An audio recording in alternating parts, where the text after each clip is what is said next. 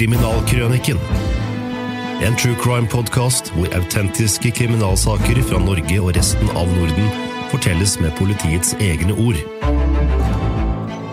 Advarsel. Denne podkasten inneholder sterke skildringer som kan virke støtende for noen. Drapet i Ørstedparken. Denne episoden er bygget på en tekst av kriminalkommissær Paul Lønberg, København, 1980. Om formiddagen den 10. november 1980 ble liket av en 50 år gammel mann funnet drivende i en sjø i en av de store, vakre parkene i København. Bortsett fra at det ikke hersket noen som helst tvil om at mannen var myrdet, fantes det ikke noe som kunne gi spor. Hvem var mannen? Hvor og når var drapet begått? Hvilket motiv lå bak?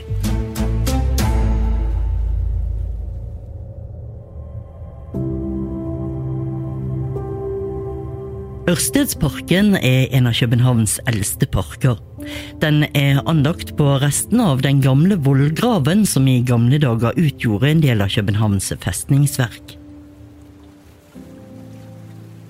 Området er ganske kupert, og vollgraven danner i dag en sjø som dekorativt strekker seg gjennom hele parken. Parken ble åpnet for allmennheten 27.10.1879. Den ligger bare noen hundre meter fra Rådhusplassen og ganske nær Nørreport tunnelbanestasjon. Tusenvis av mennesker som arbeider i sentrum av København, kommer hit hver morgen. Mange av disse går daglig gjennom parken, på vei til og fra arbeidet sitt, og i tillegg blir parken besøkt av turister og mange andre som tar seg en spasertur. Mandag den 10. november var som novemberdager flest. Været var surt og grått. Det var derfor ikke overraskende at det bare var noen få mennesker som var ute og gikk denne morgenen.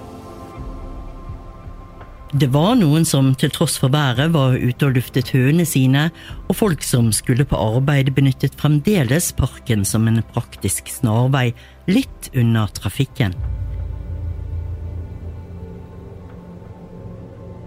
Liket av den drepte ble funnet ved tolvtiden.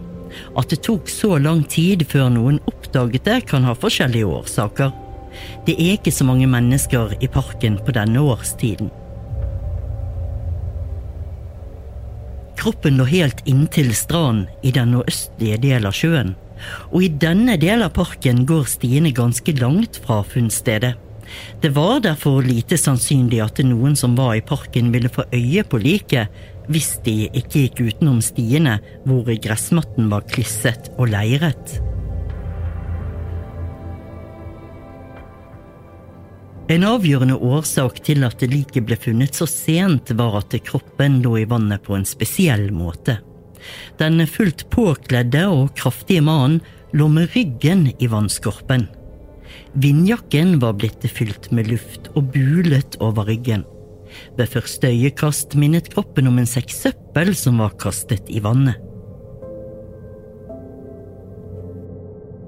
Det var to kommunearbeidere og en besøkende i parken som ved tolvtiden oppdaget at det var like av et menneske, og som fikk meldt fra om dette.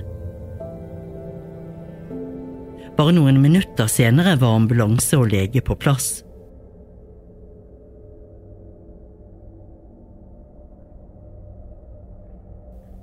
To menn fra ordenspolitiet kom fram omtrent samtidig med brannvesenet, og arbeidet med å få den forulykkede på land startet. Det var først nå at man oppdaget at den døde hadde stikkskade i hjerteregionen. Politimennene noterte nøyaktig hvordan personen hadde ligget, men vanlig markering med kritt på funnstedet lot seg ikke gjøre. Legen ga ordre om at kroppen skulle flyttes, og ba ambulansepersonalet kjøre ham til Rettsmedisinsk institutt. Legens ordre ble senere kritisert av politiledelsen. Under de mistenkelige omstendighetene skulle ikke legen gi tillatelse til at kroppen ble flyttet. man kunne risikere at avgjørende bevis gikk tapt under transporten. Denne saken var i høyeste grad mistenkelig pga. stikksårene, og etterforskning ble påbegynt. Ordenspolitiet sørget for å avsperre stedet. Kriminalpolitiet kunne så konsentrere seg om de første avhørene.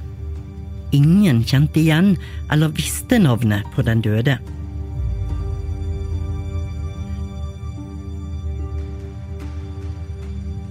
Gresset langs stranden var helt nedslitt, og bakken var gjørmet. Teknikerne kunne likevel ganske raskt fastslå at drapet ikke hadde skjedd i umiddelbar nærhet av funnstedet. Offeret måtte ha vært bevisstløs før man nådde fram til stranden. I gresset var det tydelige slepespor som førte mot stranden etter at den temmelig tunge mannen var blitt slept på bakken. Man kunne også fastslå at den drepte ikke var slept over hele gressplenen. Sporene begynte nemlig midt på plenen, og ettersom det heller ikke fantes blod der sporene startet, kunne dette bare tolkes som om den drepte var blitt båret fram til det stedet hvor slepesporene begynte. Da kroppen veide ca. 90 kilo, var det nærliggende å tro at det sto to eller flere personer bak ugjerningen. Én mann ville neppe klart å bære liket alene.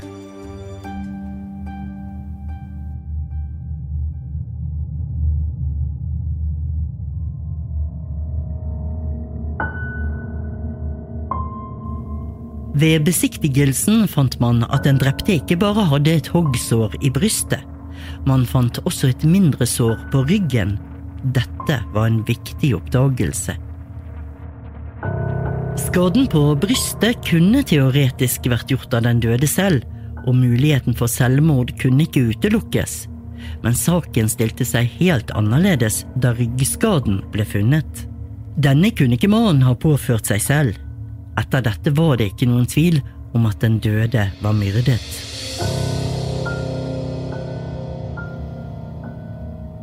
Det ble gjort ytterligere et viktig funn på den døde.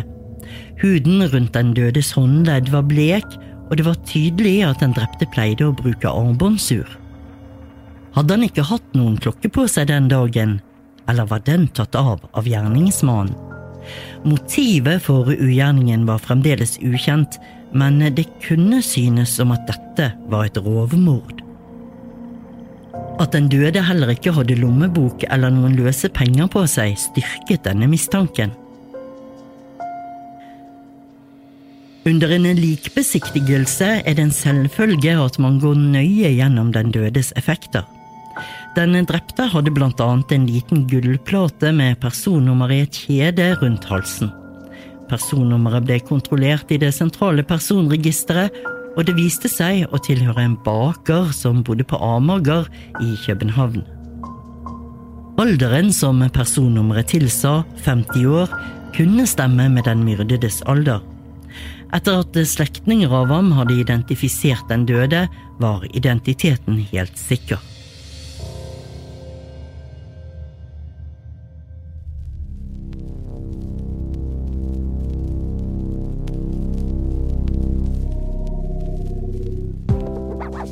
Det ble foretatt inngående avhør av de pårørende for å få beskrivelser av lommebok, klokke osv. Det ble også foretatt husransaking hjemme hos den drepte for å bringe på det rene om han hadde hatt disse tingene på seg da han ble drept. Sjefen for mordkommisjonen begjærte obduksjon så snart likbesiktigelsen var over, men det kom ikke fram noe nytt av obduksjonen. Man kunne slå fast at hoggsåret i hjerteregionen var dødsårsaken, mens den mindre skaden i ryggen bare var overfladisk. Den var ikke medvirkende årsak til offerets død. Det var selvfølgelig av den største betydning å få undersøkt den dødes bolig. Mannen hadde bodd alene, og drapet kunne like gjerne ha skjedd der, og at han senere var blitt transportert til parken og kastet i sjøen. En grundig gjennomgåelse av leiligheten kunne kanskje gi politiet en pekepinn på hva slags menneske den drepte hadde vært, hvilke vaner han hadde, etc. Et par etterforskere fra mordkommisjonen ble sendt direkte fra identifiseringen av den døde til leiligheten hans for å foreta en nøyaktig og detaljert undersøkelse av alt som fantes der. Det var en tidkrevende oppgave, men den ga etterforskerne opplysninger av vesentlig verdi for oppklaringen. Man kunne slå fast ingenting tydet på at drapet var utført i leiligheten. Det var ryddig overalt, og det var ingen tegn på at det hadde vært gjester der. Den drepte hadde sannsynligvis vært homoseksuell. Etterforskerne fant en film med homoseksuelt innhold lengst inne i et skap.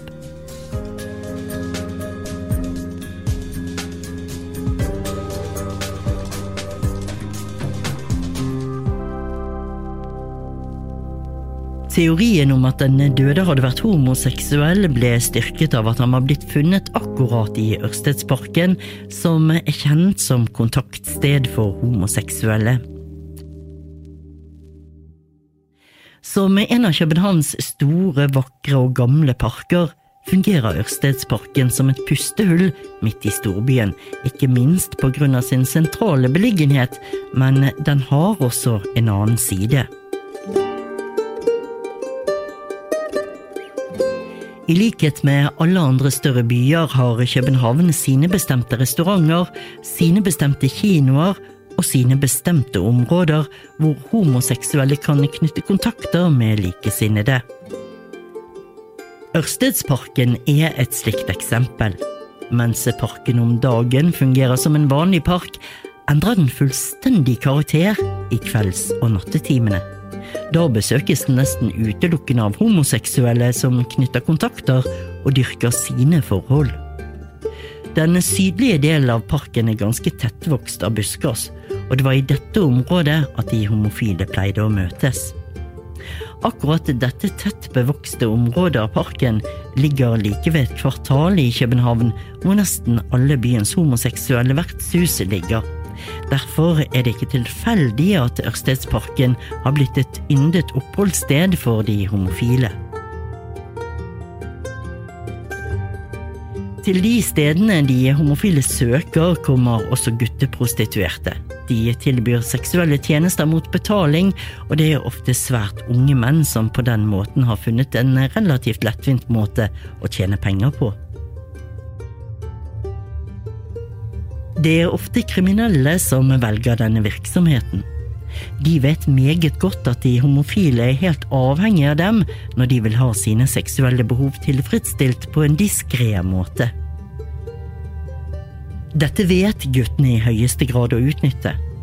De vet at de er en mangelvare, og det ser ut til å innvirke på deres oppførsel, som ofte er slik at ingen andre enn de homofile ville akseptert den.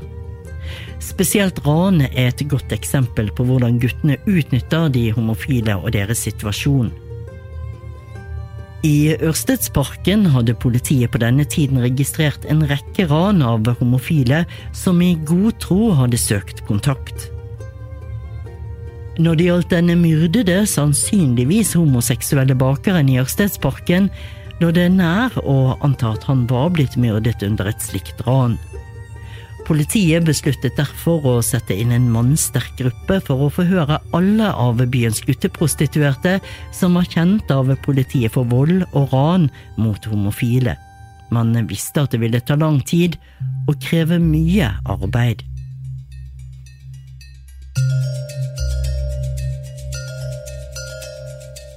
I andre drapssaker var det her av største betydning så raskt som mulig å få kartlagt den dreptes levemåte. Ikke minst å få fram opplysninger om venner, oppholdssteder, og det helt avgjørende å ringe inn alle hans bevegelser ett døgn før drapet.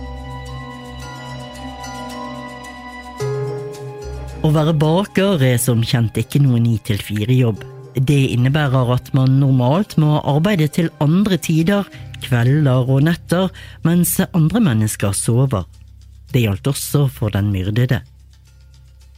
Han hadde derfor fri om formiddagene, og det var med andre ord en litt skjev livsrytme det å ha fri mens andre arbeidet, og jobbe mens andre hadde fri.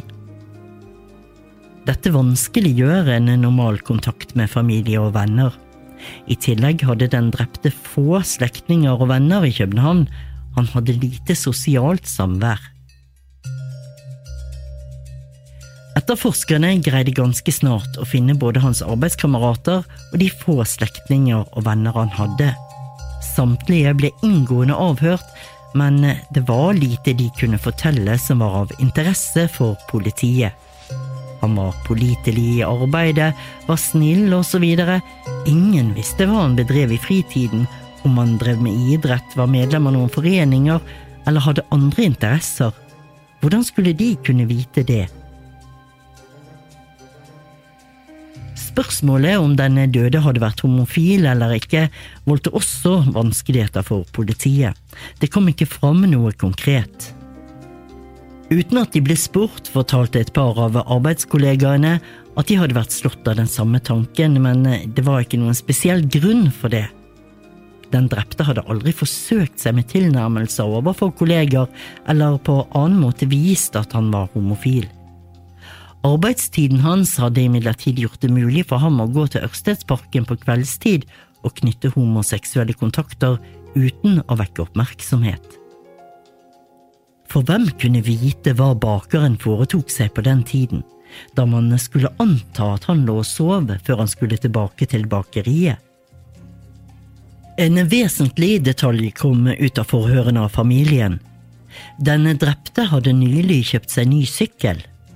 Etterforskerne fant også kvitteringen under ransakingen i hans leilighet, men sykkel fantes ikke i boligen. Familien kunne også gi en nøyaktig beskrivelse av den dødes klokke og lommebok. Klokkeremmen var spesielt interessant fordi den var hjemmelaget og meget spesiell. Verken klokken eller lommeboken ble funnet under husransakingen. Etter de første dagenes intense jobbing ble etterforskerne ved drapsavsnittet nødt til å innrømme at de sto overfor en meget vanskelig oppgave. En 50-årig baker var funnet død i en park, men hvor og når var han blitt myrdet? Hvor fantes drapsvåpenet? Og hvor var de tingene som sannsynligvis var blitt stjålet fra ham?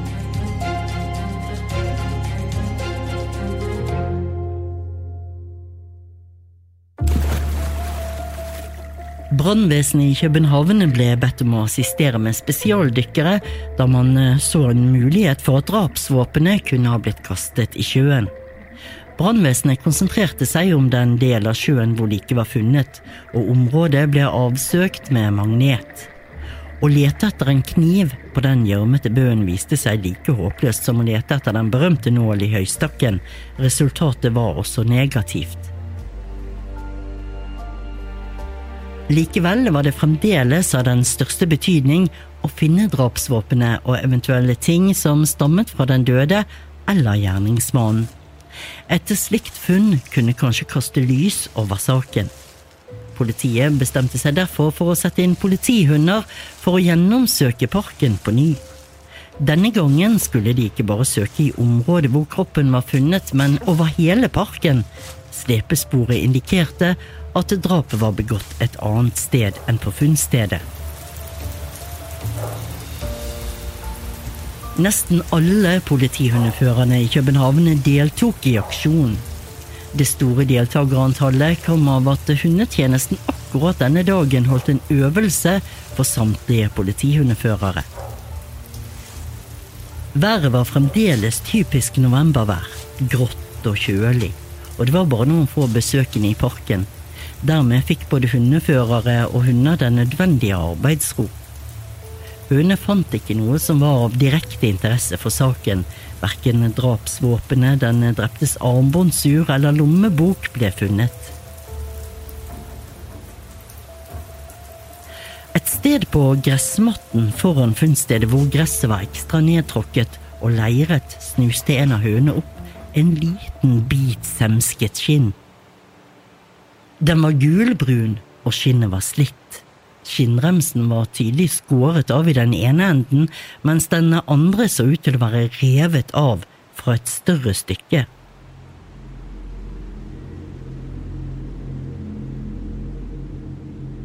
Skinnremsen som hadde vært nedtrakket i bakken, virket uvedkommende for saken. Hvis den var funnet et annet sted i parken, ville hundeføreren sannsynligvis ikke hatt noen rimelig grunn til å ta vare på den, men med tanke på hvor den ble funnet, tok han den for ordens skyld med til kriminalpolitiet. Skinnbiten ble registrert på vanlig måte og lagt til side sammen med annet materiale i saken. Som vi vet, hadde politiet funnet kvitteringen med sykkelens rammenummer, men det var noe helt annet å finne sykkel. Kunne den finnes i nærheten av drapsstedet? Kanskje drapsmannen syklet rundt på den, eller var den et helt annet sted? Det kunne ingen vite. Men sykkel skulle finnes.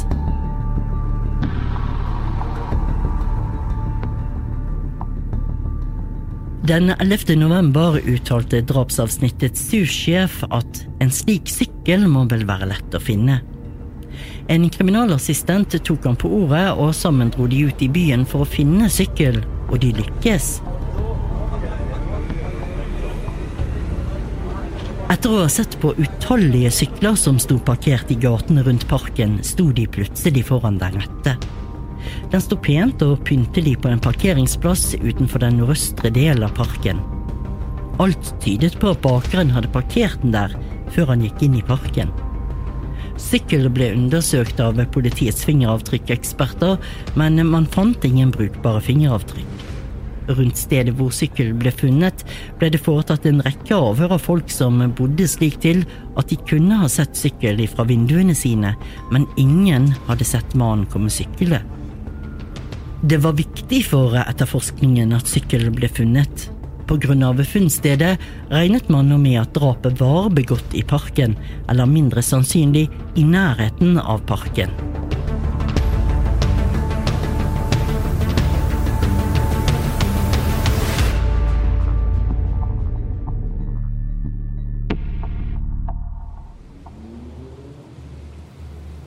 Det var nå mest sannsynlig at man hadde møtt sin barnemann i parken, og man besluttet å sette inn en styrke for å forhøre gutteprostituerte i København, først og fremst alle de som var kjent for overfall og ran av homofile.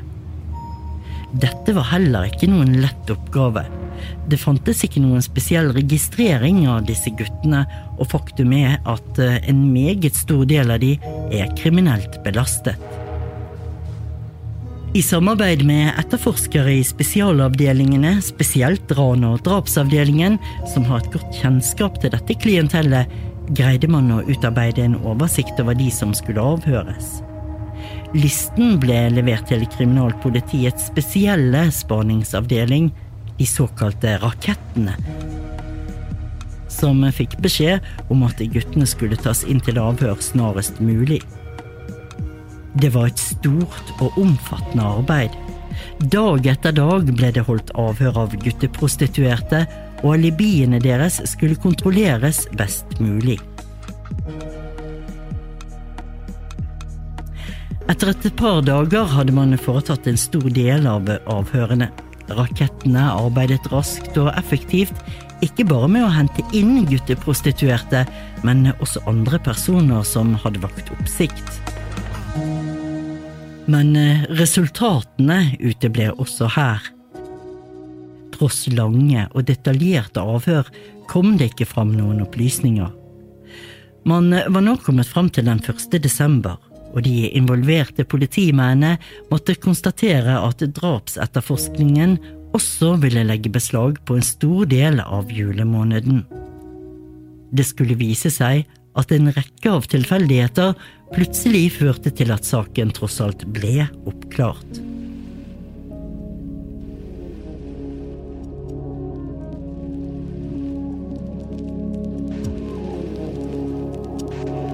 Tirsdag 2. desember 1980 var som andre dager. Rakettene hadde avhørt en del gutter i løpet av dagen, og som vanlig gått hardt inn på de om deres bevegelser rundt tidspunktet for drapet. Avhørene ble vanskeligere etter hvert. Det hadde nå gått 22 dager siden drapet, og de som ble avhørt, husket ikke hva de hadde gjort den aktuelle dagen. Dette medførte at etterforskerne var nødt til å la noen av de avhørte gå fra politihuset uten at man hadde fått muligheter til å kontrollere deres forklaringer. Klokken 16 gjorde avdelingen seg klar til å stenge. Dagens avhør var ferdige, uten at det var kommet fram noe nytt. To kriminalassistenter satt igjen på et kontor. De avhørte den 20-årige Ivan. Han var blitt tatt inn av rakettene etter tips om at akkurat denne unge mannen kunne være drapsmannen. Det verserte slike rykter i det kvartalet hvor han bodde. Avhøret gikk rutinemessig, man forsøkte flere ganger å få en forklaring på hva han hadde foretatt seg tiden rundt drapet, men det kunne han ikke huske. Det var ikke noe uvanlig i dette. Etter så mange dager var det begrenset hvor store krav politiet kunne sette til folks minne. Derimot merket man en viss nervøsitet hos Ivan. Den ble sterkere jo mer politimennene presset på for å få en forklaring på hva han hadde gjort i den aktuelle tiden. En så tydelig nervøsitet og usikkerhet hadde man ikke merket hos noen av dem som var blitt avhørt tidligere. Det var tydelig at Ivan skjulte noe, men det var umulig å få ham til å komme med den minste hentydning. Kjente han til drapet? Eller var han redd for å avsløre annen kriminalitet den aktuelle dagen?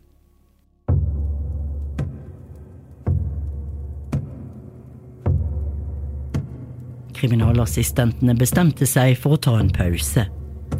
Det er trøttende for begge parter med så konsentrerte avhør, og det var rimelig å gi Ivan litt tid til å tenke over saker og ting. Han hadde fått beskjed om at politiet ikke ville la ham gå før han hadde kommet med en rimelig forklaring.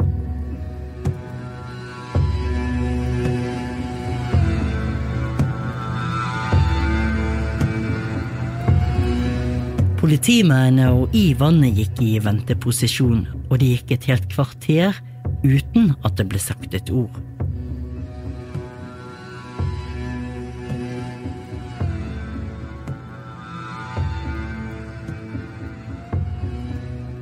Dette er et psykologisk spill som spesielt blir brukt under avhør i alvorlige drapssaker.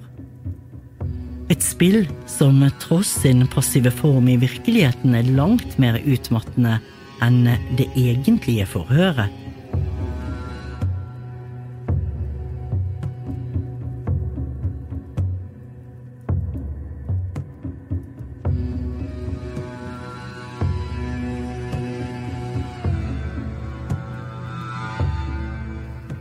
Etter dette kvarteret bestemte også Ivan seg for å snakke. Politimennene ble meget skuffet da det viste seg at han bare ville fortelle om et banalt tyveri som hadde skjedd før drapet. Det var helt uinteressant. Verdien av det stjålne var minimal, og det ga ikke grunnlag for noen tiltale. Det var tydelig at Ivan fremdeles skjulte noe vesentlig om han tok enda en pause. Og kort etter kom de første viktige opplysningene. Ivan kunne fortelle at han visste hvem drapsmannen var, men han våget ikke å fortelle noe mer hvis ikke politiet lovet at gjerningsmannen ikke skulle få vite navnet hans. Sjefen for drapsavsnittet var ikke godt for dagen. Han ble innkalt og orientert om hva som var blitt sagt, og han ga derfor en garanti til Ivan om at hans navn ikke ville bli røpet. Ivan kom så med en lengre forklaring, som i korte trekk gikk ut på at han hadde en økonomisk strid med en motorsykkelgjeng. Kvelden før drapet hadde disse oppsøkt ham på en restaurant. De hadde truet ham og til slutt tatt fra ham en dolk og lovet at de skulle hevne seg. Dagen etter kunne Ivan lese i avisen at en mann var blitt drept med kniv, og han forsto at de forsøkte å få ham mistenkt for drapet.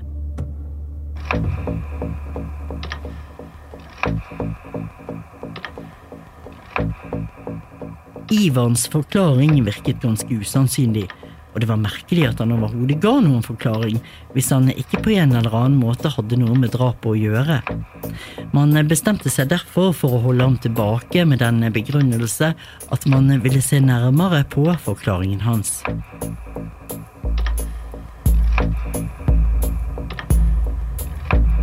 Som vi vet var parken på et tidlig stadium blitt undersøkt av politihunder, og da hadde en av hønene funnet en nedtråkket skinnremse i gjørmen foran det stedet hvor kroppen ble funnet. Det skulle vise seg at denne skinnbiten var av aller største betydning. I og med at politiet holdt Ivan igjen, var det naturlig å undersøke klærne hans. Av hans helt usannsynlige forklaring kunne etterforskerne ikke utelukke at han kunne være gjerningsmannen. Selv om det hadde gått 22 dager, kunne han jo ha de samme klærne på seg som under drapsnatten. Ivans yttertøy besto annet av en såkalt Davy Crocket-jakke. En spesiell semsket jakke som har en rad med tettsittende semskede skinnfrynser. Jakken var gammel og slitt, og den hadde mistet en del av frynsene. De var påfallende lik den skinnbiten politihunden hadde gravd fram i gjørmen. Den semskede skinnremsen ble funnet fram og sammenlignet med frynsene på jakken. Det var tydelig at skinnbiten meget godt kunne stamme fra Ivans jakke. Fargen stemte, og lengden og bredden stemte med frynsene på jakken. Man kunne ikke eksakt påvise hvor jakkebiten hadde sittet, det var altfor mange avrevne frynser, men etterforskerne var ikke i tvil. Det var riktig jakke. Og man hadde fått tak i den rette gjerningsmannen.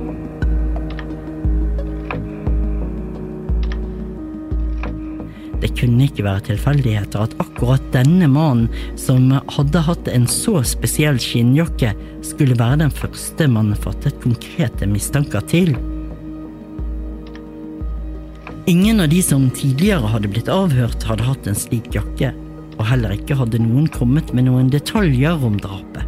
På grunnlag av det som nå forelå, besluttet etterforskerne å avhøre Ivan på ny. Man ville ikke konfrontere ham med bevismaterialet til å begynne med. Hvis det kom en tilståelse uten at dette ble nevnt, ville politiet stå langt sterkere i det videre arbeidet.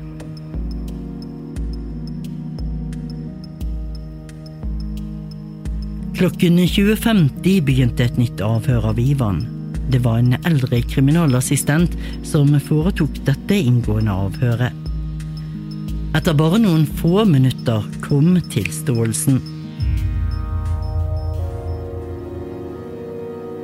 Det var Ivan som hadde tildelt den homofile bakeren dolkestikket i hjertet. Hendelsesforløpet hadde vært slik. Ivan hadde den 3. november blitt satt på frifot etter å ha sonet en del av en fengselsstraff for grov vold. Også da handlet det om knivstikking. Det var en løslatelse på prøve, og dette skulle feires. De følgende dagene drakk han tett, og det tæret på kassabeholdningen, som han hadde spart til dels i fengselet og dels ved bidrag fra sosial.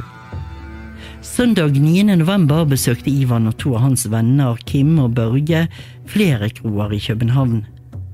De drakk mye. Selv hadde Ivan drukket 25-30 snapser. Krorunden sluttet klokken halv fem om morgenen den 10. november på restaurant Jomfruburet, et vertshus som ligger på Strøget. Der hadde pengene tatt slutt.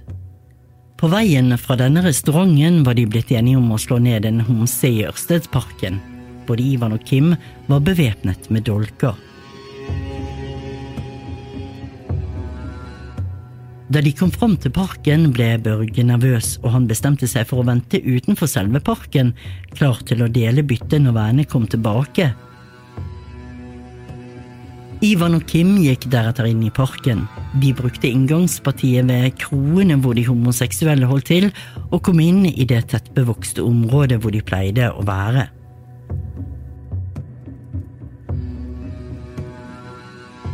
I parken fikk de raskt kontakt med en mann som Kim lokket med seg til sjøen hvor Ivan ventet. Det var Kim som først gikk til angrep på mannen og veltet ham over ende. Kim hadde fått fram dolken. Mannen var sterkere enn de hadde trodd. Han greide å rive seg løs. Ivan kastet seg over mannen, som likevel klarte å komme seg løs enda en gang, og begynte å løpe. Ivan hoppet nå på ryggen hans, men han ble kastet av. Kort etter stoppet mannen opp, og Ivan nådde ham igjen og drepte ham med et eneste hogg i hjertet.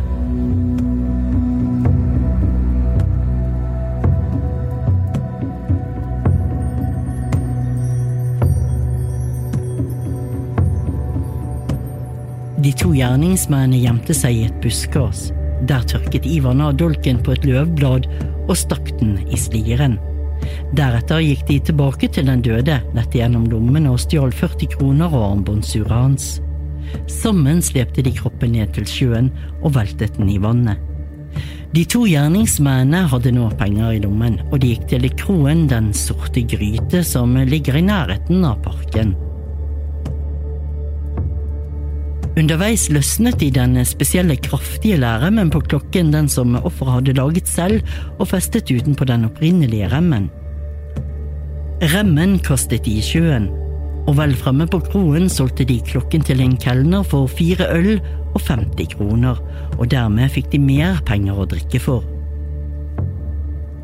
Utpå morgenen gikk de tilbake til parken og lette etter Kims kniv som han hadde mistet. De kastet et blikk på sjøen og kunne se at den drepte fremdeles fløt i vannskorpen, på samme sted som de hadde kastet ham fra seg.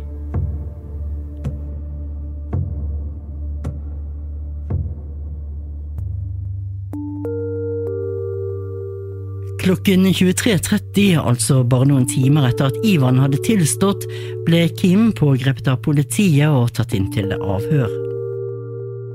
Til å begynne med nektet han for å ha vært med på drapet, men til slutt tilsto han. Senere på kvelden ble kelneren på Den sorte gryta arrestert. Han tilsto heleri og fortalte at han hadde solgt klokken videre til en taxisjåfør. Også denne ble pågrepet og avhørt samme natt. Han hadde klokken og tilsto heleri.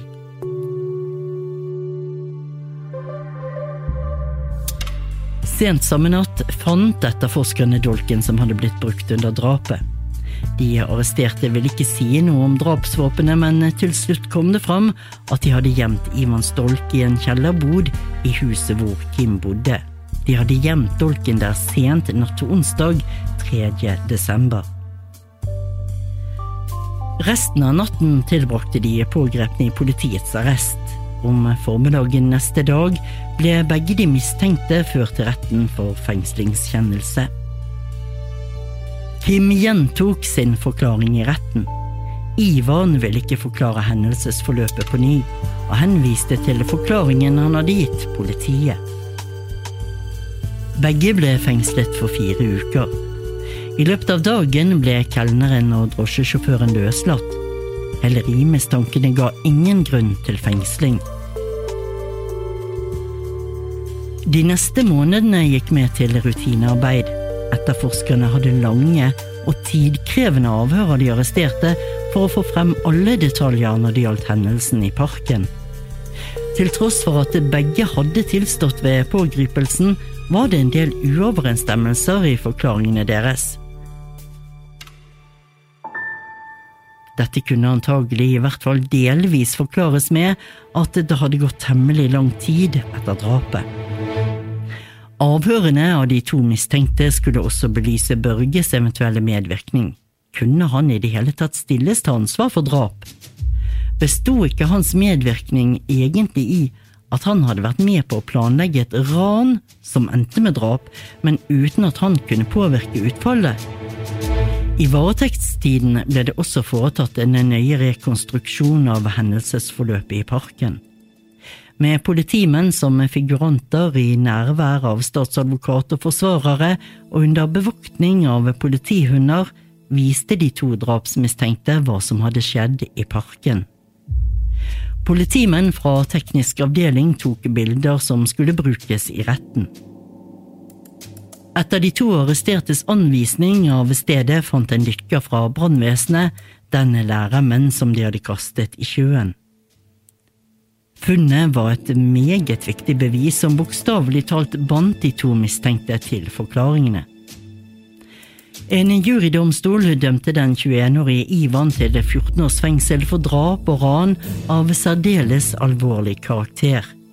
Kameraten hans, den 23-årige Kim, ble dømt til fengsel i åtte år for vold med døden til følge og for særlig grovt ran. Dommen ble avsagt nøyaktig på dagen ett år etter de gjerningene som førte til den 50-årige mannens død i Ørstedsparken i København. Du har hørt Drapet i Ørstedparken. Denne episoden er bygget på en tekst av kriminalkommissær Paul Lønberg. Forteller var Marianne Moe. Produsenter var Christian Gilsvik og Marianne Moe. Podkasten er produsert av Metro Sounds.